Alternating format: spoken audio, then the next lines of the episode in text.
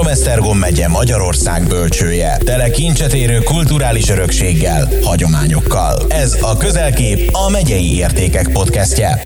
Szeretettel köszöntöm a kedves hallgatóinkat, ez itt a Közelkép, a Komárom Esztergom megye értékszemle podcastja. A nevem Német Csaba, és mai témánk aranymetszését a Majki Kamalduli remetesség köré fűzzük. Aki már járt ezen a csodálatos helyen, akit már megérintett az az éteri nyugalom, melyet ez a varázslatos műemlékegyüttes áraszt magából, annak esetleg az alapos történelmi háttér lehet csak újdonság, aki pedig még nem járt Majkon, annak remélem gondolatébresztő gyanánt is szolgálhat ez a tartalom.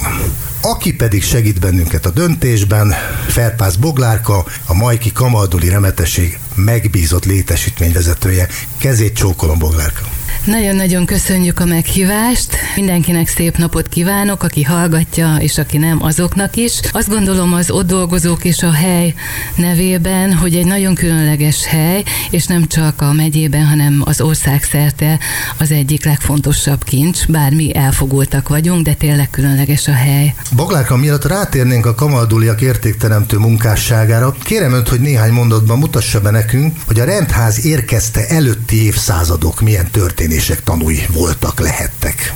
Hát amit most látnak a vendégek, ugye az főleg a kamaduli remetességnek az emlékei.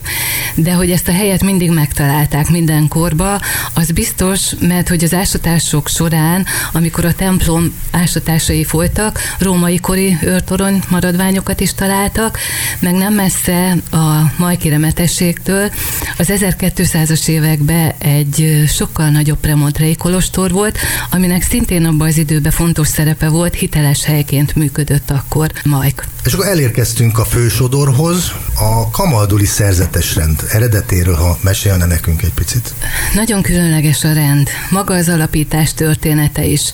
Ugye a kamalduli rend olasz eredetű, ezer körül alapította Szent Romuád. Majd, ha jönnek a vendégek a refektóriumba, ami majkon a legszebb terem, eredeti freskókon meg tudják nézni a rend alapítás történetét. Volt egy nagyon gazdag ravennai hercegi család, akinek a sarja Romuád élte a szokásos gazdag hercegek életét, ugye mindenféle jóval, ami hozzá tartozott. Fiatal emberként látta, hogy az apja elkövet egy gyilkosságot, valami pénzügyi vita után a saját rokonát megölte az édesapa Szergius. Ez vezette Romuádot ahhoz, hogy lemondott a hercegi rangról, a vagyonról, elhagyta a családot, vezeklésképpen apja bűne miatt a közeli Szent Apolliner Bencés kolostorba költözött, nem volt számára elég szigorú a rend a vezekléshez, ezért következő éveit a velencei szigetvilágba töltötte, teljesen a aszkéta életet élve 13 évig tanult egy Marinus nevű mestertől, és aztán vándorlásai során, már ugye akkor Bencés szerzetesként vándorolt, 90 éves volt, úgyhogy sosincs késő, mikor volt egy látomása, megjelent előtte, hogy nyílik a mennyek kapuja, fehér csuhások mennek az égbe, és ahol a látomása volt, Olaszország közepén a Redzótól nem messze hozta létre az első kolostort 1012-be. Az, hogy kamalduliak, az a rend neve, neve, és az olasz helynevéből, az alapítási helynevéből, a Campo Máduliból olvadt össze, de a mai világban is még fehérbencéseknek is hívják őket. Nagyon sok felé letelepettek aztán a nagyvilágba, ha a Nagy Magyarországot nézzük, a Majki remetesség a negyedik. Boglárk, én úgy tudom, hogy Majk akkor tájt az Eszterházi család birtoka volt. Ez a család ezer szállal kötődik Komárom-Esztergom megyéhez, Sokan ismerik nevüket, viszont azt kevesen tudják, hogy a Salamon nemzetségből eredő hercegi és grófi ranggal rendelkező régi magyar főnemesi család, amely a 17. századtól meghatározó szereppel bírt a magyar történelem során. A családtagjai olyan magasrangú személyek voltak, mint Eszterházi Miklós és Eszterházi Pál nádorok, Eszterházi Imre Esztergomi érsek, Eszterházi József országbíró, és még sorolhatnánk. Az Eszterháziaknak három főágát és négy további mellékágát különböztetjük meg.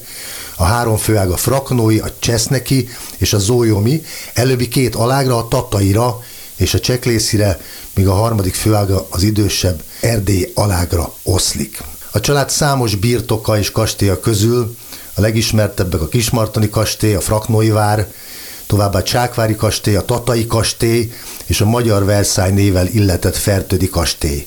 Na de nyilván mi most Majkon járunk, amely mint említettem, szintén Eszterházi birtok volt. Akkor kérném, hogy meséljen arról az Eszterházi család szerepéről ebben a történetben, milyen összefonódásokkal találkozhatunk Majk és a szerzetesen kapcsán. Nagyon fontos az Eszterházi család neve, meg élete Majkkal kapcsolatban. Eredetileg is az ő birtokuk volt.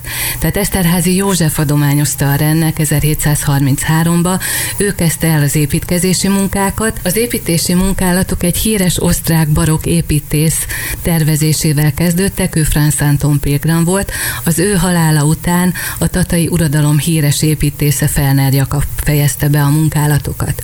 17 cellaház készült el, eredetileg Eszterházi József 20 tervezett, mindegyik cellaházat más arisztokrata család segítségével tudta felépítetni. Ha jönnek a vendégek, és majd ha sétálnak a klauzúrába, akkor látni fogják a házfalakon a címereket. Na most a családok nem csak a kisházat építették fel a szerzetes számára, hanem minden évben még küldtek egy valamennyi összeget a szerzetes ellátására. A szerzetes cserébe, aki beköltözött abba a cellaházba, köteles volt imádkozni a család lelki üdvéért, meg volt szabva, hogy egy évben hány misét mondanak. Elkészült 17 cellaház, az egykor gyönyörű hatalmas nagy templom, és volt a kolostornak egy nagy U alakú kiszolgáló épülete, ami ugye több funkciót látott el. Levéltár, könyvtár, patika, ispotály, itt élt a rendfőnök, itt laktak a kiszolgáló testvérek, a laikus barátok, alá volt pincézve, konyha, mosoda, varroda, haltároló is szerepelt az alsó részekbe, és a szerzetesek is, mint a mesékbe a három próba, meg a három év, tényleg három éves próbaidőszakot, vagy jelölt időszakot, még itt a főépületbe, a Forestéria épületébe együtt töltöttek, megfigyelték az előjárók őket, hogy mennyire bírja majd azt a vállalt nehéz feladatot, alkalmas-e rá, mert attól, hogy jelentkezett, nem biztos, hogy megkapott aztán egy cellaházat. Tehát a három év döntötte el. Ha az előjárók is úgy döntöttek, hogy alkalmas rá, akkor felszentelték őket, mindegyik felszentelt pap lett, letettek egy olyan hallgatási fogadalmat, aztán amíg egész életükre szólt, beköltöztek egy cellaházba, és onnantól ugye a külvilág kizárása, ők már inkább csak Istennel beszélgettek. Cellaházaknak hívjuk őket, de majd látni fogják a vendégek, hogy nem a mérete miatt. 80 négyzetméteres kis házak, ugyanakkor a kertel, viszont az ő élete onnantól kezdve ott zajlott. Minden cellaházban négy helyiség volt, minden szerzetes számára volt egy gyönyörű felszentelt kápolna. Maguk a cellaházak annak idején puritának voltak, ugye a puritán élet miatt, de a kis kápolna minden cellaházba az gyönyörűen díszített volt, mert az volt az a helyiség, ahol az Istennel beszélt. Volt egy lakó hálószoba, egy kamrája, meg egy pici dolgozószobája. A kamadóli szerzeteseknek a fő munkájuk, hogy így mondjam, a nyolc óraima Szigorú napi rendjük van, fél négykor keltette őket a harang, négy órakor már kezdték a hajnali imádságot, nyolc órát, a nyolc órát leimádkoztak minden nap. Azért beszélek, bocsánat, néha jelen időbe is, mert hogy még mindig működik a kamaldúli rend, tehát nagyon sok helyen élnek még szerzetesek, Magyarországon sajnos már nem élnek, hozzánk a legközelebb a lengyel kolostor van, tehát Majkon is csak a szerzetes életet tudjuk bemutatni múzeumi körülmények között. Visszatérve a szerzetesi élethez, tehát minden cellaházban négy helyiség volt, a nyolc óra imán felül még dolgoztak is. Tehát azért voltak ilyen pici dolgozószobák, mert hogy kinek mihez volt tehetsége. Gyógynövényfeldolgozás, kegytárgykészítés. Majkun az 1700-as években volt egy olyan szerzetes az egyik cellaházba, a hatos cellaházba, aki nagyon ügyesen javította az órákat. Konkrétan egy órásmesternek is hívhatjuk, úgyhogy ha jön a látogató a hatos cellaházba, azért lát gyönyörűen díszített barokkórákat, mert hogy ő azzal dolgozott, tehát nem az övé volt, a puritán életet tartották. Egy egészen felfoghatatlan vállalás. Boglárka tudna még mesélni nekünk néhány történetet a szerzetes rendről, remetékről? Hát a mai ember számára azt gondolom, hogy tényleg teljesen érthetetlen. Nagyon sok látogató van, nagyon helyesek, és szokták tőlünk kérdezni, hogy de hát, hogy mi értelme van ennek, hogy úristen, milyen nehéz lehetett, hogy minek letenni a hallgatási fogadalmat, hogy ez milyen szenvedés. És szoktam mondani a vendégeknek, hogy én erre nem tudok válaszolni, hogy ki miért lép be a rendbe, mert ugye a mai világban is még működik. Viszont van egy nagyon jó fotóanyagunk ma élő lengyel szerzeteseket mutat be, és szoktam mondani a vendégeknek, hogy nézzék meg a fotóanyagot. Nézzenek bele egy mai élő szerzetes tekintetébe. Szóval az a fajta végtelen hit, béke, harmónia, szeretet, bölcsesség és tudás, de még sorolhatnám, ami még a fotókon is átjön, azt gondolom, hogy ad választ ezekre a kérdésekre. Mert hogy tényleg nagyon szigorúnak tűnik a rend nekünk, de volt olyan vendégünk, aki szerzetes volt, ugye a látogatók között volt egy premontrei szerzetes bácsi, nagyon tündér volt, vele beszélgettünk, és akkor mondta a többi vendégnek, hogy mi igazán ezt nem értjük és nem tudjuk, de hogy ez az igazi szabadság, hogy a lelke szerint él. Szóval, hogy van ebbe egy kicsi ilyen ellentmondás, de azt gondolom, hogy tényleg a lelkük szerint élnek. Visszatérve még az életükhöz, tehát a hallgatási fogadalom a beszélgetésre vonatkozott, amit egy évben azért kétszer-három napra feloldottak. Tehát voltak olyan ünnepnapok, a karácsonyi és a húsvéti ünnepkörbe, amit együtt töltöttek. Nyilvánvaló akkor se beszélték végig az egész napot, de akkor találkoztak, együtt étkeztek a gyönyörű refektóriumba, feloldották őket, a hallgatási fogadalom alól volt felolvasás, illetve a volt családtagjuk, akkor az ünnepnapok alatt tudták fogadni, cellaházba nem, tehát cellaházba csak a rendfőnök léphetett be. A refektórium azért is érdekes, mert az utolsó vacsora a gyönyörű hatalmas falképén van egy ilyen érdekes jelenet, vagy egy érdekes titkos jelzés, gyerekeknek szoktuk mondani, hogy találják meg, fejtsék meg, és akkor elkezdi nézegetni az utolsó vacsora képét. Balról a negyedik apostolt ábrázolt a Fogel Gergely, egy budai oltárkészítő, aki öt évig festett Majkon a remeték között. Tehát ő ábrázolta balról a negyedik apostolt kamaduli szerzetesként, fehér csuhában, mint amit hordanak, és az ujjaival mutat az asztalon egy ilyen kétszer-hármas jelzést, amit többféleképpen lehet magyarázni. Mi Majkon itt azt mondjuk a vendégeknek, hogy arra utalhat, hogy kétszer-három napot töltöttek közösen, akkor feloldották őket a hallgatási fogadalom elől együtt étkeztek. Egyébként még a találkozásuk az úgy történt, hogy a templomban napi szinten a harang hangjára értek, ahogy említettem, behívta őket a harang a templomba is, egy gyönyörű nagy templom volt, ott együtt hangosan imádkoztak, énekeltek, zsolozsmáztak, a beszélgetéstől tartózkodtak. Sajnos második József ezt a rendet is feloszlatta 1782-be. Mi nekünk majkon, akik dolgozunk, nagyon fontos, hogy valahogy képviseljük még a szerzetesek békéjét, hitét, szeretetét, de ők nagyon kevés ideig élhettek majkon, még 50 évig sem. 1782-ben menniük kellett, utána minden volt, ami a nagy magyar történelemben, ide már a szerzetesek sajnos nem jöttek vissza, de valahol a falakban még az imáik ott vannak. Feloszlatás után nagyon sok minden történt a majki remetességgel, minden szinte, ami a nagy magyar történelembe. Az Eszterházi család visszavásárolta újra, ez a galántai grófiág. 1806-tól bérbe adták, egy nagyon jól működő, nagyon sok pénzhozó posztómanufaktúra volt. A 17 szállaházba több mint százan bezsúfolva a munkások, hogy minél többet termeljenek. Még az 1848-as szabadságharchoz a nyereg alatti pokróc, a katonák ruhája itt készült. 1800 1960-tól átépítették, és onnantól kezdve államosításig az Eszterházi család vadászbirtok, a vadászkastély lett. A cellaházaknak is ugye volt funkciója, a cserédek, a kiszolgáló személyzet, a háborúk alatt katonáknak szállás, mikor melyik front volt itt. Hadikorház, orosz, magyar, német katonák, Államosítás után mezőgazdasági szakközépiskola, fiúkollégium, Magyar Írónők Alkotóháza, útörőtábor, munkásszálló, gépraktár, istáló, magtár.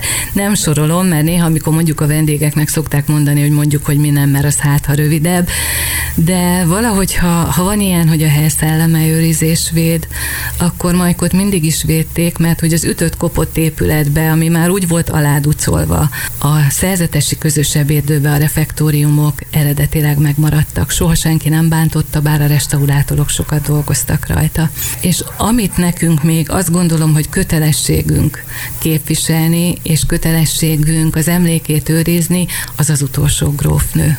Ugye itt az utolsó tulajdonos Eszterházi Móric volt, ő az Eszterházi Péter író, a Márton focista Györgynek és a Mihálynak a nagypapája, ő egyébként Majkon született. Károly lányt vett el, Károly Margit grófnőt, ők voltak az utolsó tulajdonosok. Az udvarban van egy gyönyörű díszkutunk is, ami egy velencei kút másolat, az a Károly család egy ajándéka az ifjú házasoknak. Eszterházi Móric gróf úr érthető okok miatt 56-ba elhagyta az országot. A grófnőt kitelepítették, a 13-as házat kapta meg, tehát egy egész kastélyjal oda át kellett költözni. Van a Youtube-on egy ilyen pici rövidfilm, hogy a 13-as cella grófnője az róla szól. Egy fantasztikus tartású asszony lehetett. Bejárt oroszlánba gyalog, azért mondjuk az nem egy-két kilométer, így 60-70 évesen. Kertészetbe gazolt, állítólag néha még lovaskocsit is hajtott, ugye a lányával, szenet fuvarozott, gumicsizma, lódenkabát, vastag bőröv benne a tör, de azt mondják, hogy kitartott élete végéig. Ugye azt mondta, hogy ha a jó időkben jó volt az ország, akkor a rossz időkben nem hagyja el. Úgyhogy nagyon-nagyon bízunk benne, hogy a 13-as cellaház az nem sokára majd a grófnő tiszteletére lesz berendezve. Élete végéig, ami 1975 a 13-as cellaházba itt kitartott Emma nevű testvérével. Járta az erdőt, ugye gyűjtötte a rőzsét, kis hajlott háttal. Na most, ha megálltak vadászok vagy turisták, ha franciául szóltak hozzá, akkor franciául válaszolt a németül, németül. Úgyhogy gondolom, hogy milyen kép lehetett ez ott az erdőbe, de őrizzük az emlékét, és ez nagyon fontos nekünk. Egészen csodálatos. Boglárka, a mai felújított állapotában Majki Remetesség Komárom Esztergom megy egyik legragyogóbb égköve. De kérem, mesél nekünk, hogy milyen munkálatokat végeztek el a felújítás során. Ezt köszönöm, nagyon jól mondta, hogy a legragyogóbb égköve. De tényleg, különleges a hely. Több ütemben zajlottak a felújítási munkák. A főépület, amit mi az Erdélyi Kolostornak nevezünk, ez a Forestéria épülete 2015-ben lett úgy kész, hogy már látogatható, gyönyörű és nagyon színvonalas kiállításaink vannak, és most márciusban történt egy olyan átadás, ahol a 17 szállaházból hetet már át tudtunk adni a látogatóknak, illetve fel lehet menni a toronyba egészen a tetőig. Nagyon érdekes kiállítás ott van, és ahogy mennek föl a vendégek az alázatosságról, olvashatnak nagyon elgondolkodtató mondatokat illetve a kripta is látogatható, a szerzetesi teraszos kertek, a kertben van egy pici grotta kápolna, ahol van egy nagyon szép Mária szobor, azt is meg tudják nézni a vendégek. Tehát ez a átadás történt most márciusban. Van még tíz ház, ami kívülről kész van, ott majd folynak a benti munkálatok. A terv az, hogy ilyen elvonuló szállásokként fognak működni, és ami nagyon fontos, és most jó is, hogy ez szóba kerül, a tónak a túloldalán ugye van a fogadóépület. Tehát egy nagyon jó kis múzeumshop, jegypénztár, a vendég oda érkezik. És hogy van ennek is funkciója, mert ott ugye leteszi a kocsit, a kocsival együtt a terheit, megérkezik, és a tóparton felsétálva egy ilyen 5-10 perc séta a víz mellett úgy érkezik fel magához a kolostorhoz. Boglárka, időnk véges, de még egy utolsó kérdésre futja az időnkből. Én jártam Majkon, engem is teljesen lenyűgözött. Nekem a múzeum része is nagyon-nagyon megtetszett és megfogott a maga hihetetlen bájával. A múzeum részéről, hogyha beszélne még nekünk utoljára egy picit. Egyre több mindent tudunk mutatni a látogatóknak, szerencsére. Mm, többfajta kiállításunk van. Ugye van a nagy helytörténeti kiállításunk, van ez a nagyon-nagyon megható és nagyon-nagyon színvonalas lengyel fotóanyag, ott meg tudják nézni a szerzetesi életmódot. Van Rákóczi emlékszobánk, a fejedelemnek is komoly kapcsolata volt a kamardóli rendel, amit a vendégek majd ott akkor megtudják, hogy miért, illetve alól az alsó rész végig úgy van berendezve, hogy a szerzetesek éltek, Patika Múzeum, Kiskápolna, lakószobák, és Kettő cellaház van most úgy berendezve, ami a szerzetesi életet mutatja be. Van egy interaktív cellaház, amit a gyerekek esetleg jobban értékelik, illetve a torony kiállítása. Igen, azt a harangot meg is lehet kongatni. Elképesztő élmény szintén. Nagyon szépen köszönöm ezt a végtelen izgalmas beszélgetést Ferpász Boglárkának, a Majki Kamaduli remetesség megbízott létesítményvezetőinek. Köszönöm, hogy elfogadta a meghívásomat, és remélhetőleg felkeltettük mindenkinek a béli érdeklődését, hogyha majd közelébe jár, vagy akár lehet ez egy úti cél is, akkor látogassa meg ezt a csodálatos intézményt. Köszönöm Boglárka, hogy itt volt velünk. Köszönöm én is, és az ott dolgozók nevébe is köszönöm ezt a meghívást, és mi azért azt gondoljuk, hogy vannak még békeszigetek. Akkor azért az az egyik a Majki Kamaldúli remetesség. Sokan aláírjuk. Köszönjük a figyelmet, legközelebb is jelentkezünk, találkozunk érdekes történetekkel, eseményekkel a megye életéből. Viszont hallásra! Komárom-Esztergom megye Magyarország bölcsője. Tele kincset érő kulturális örökséggel, hagyományokkal.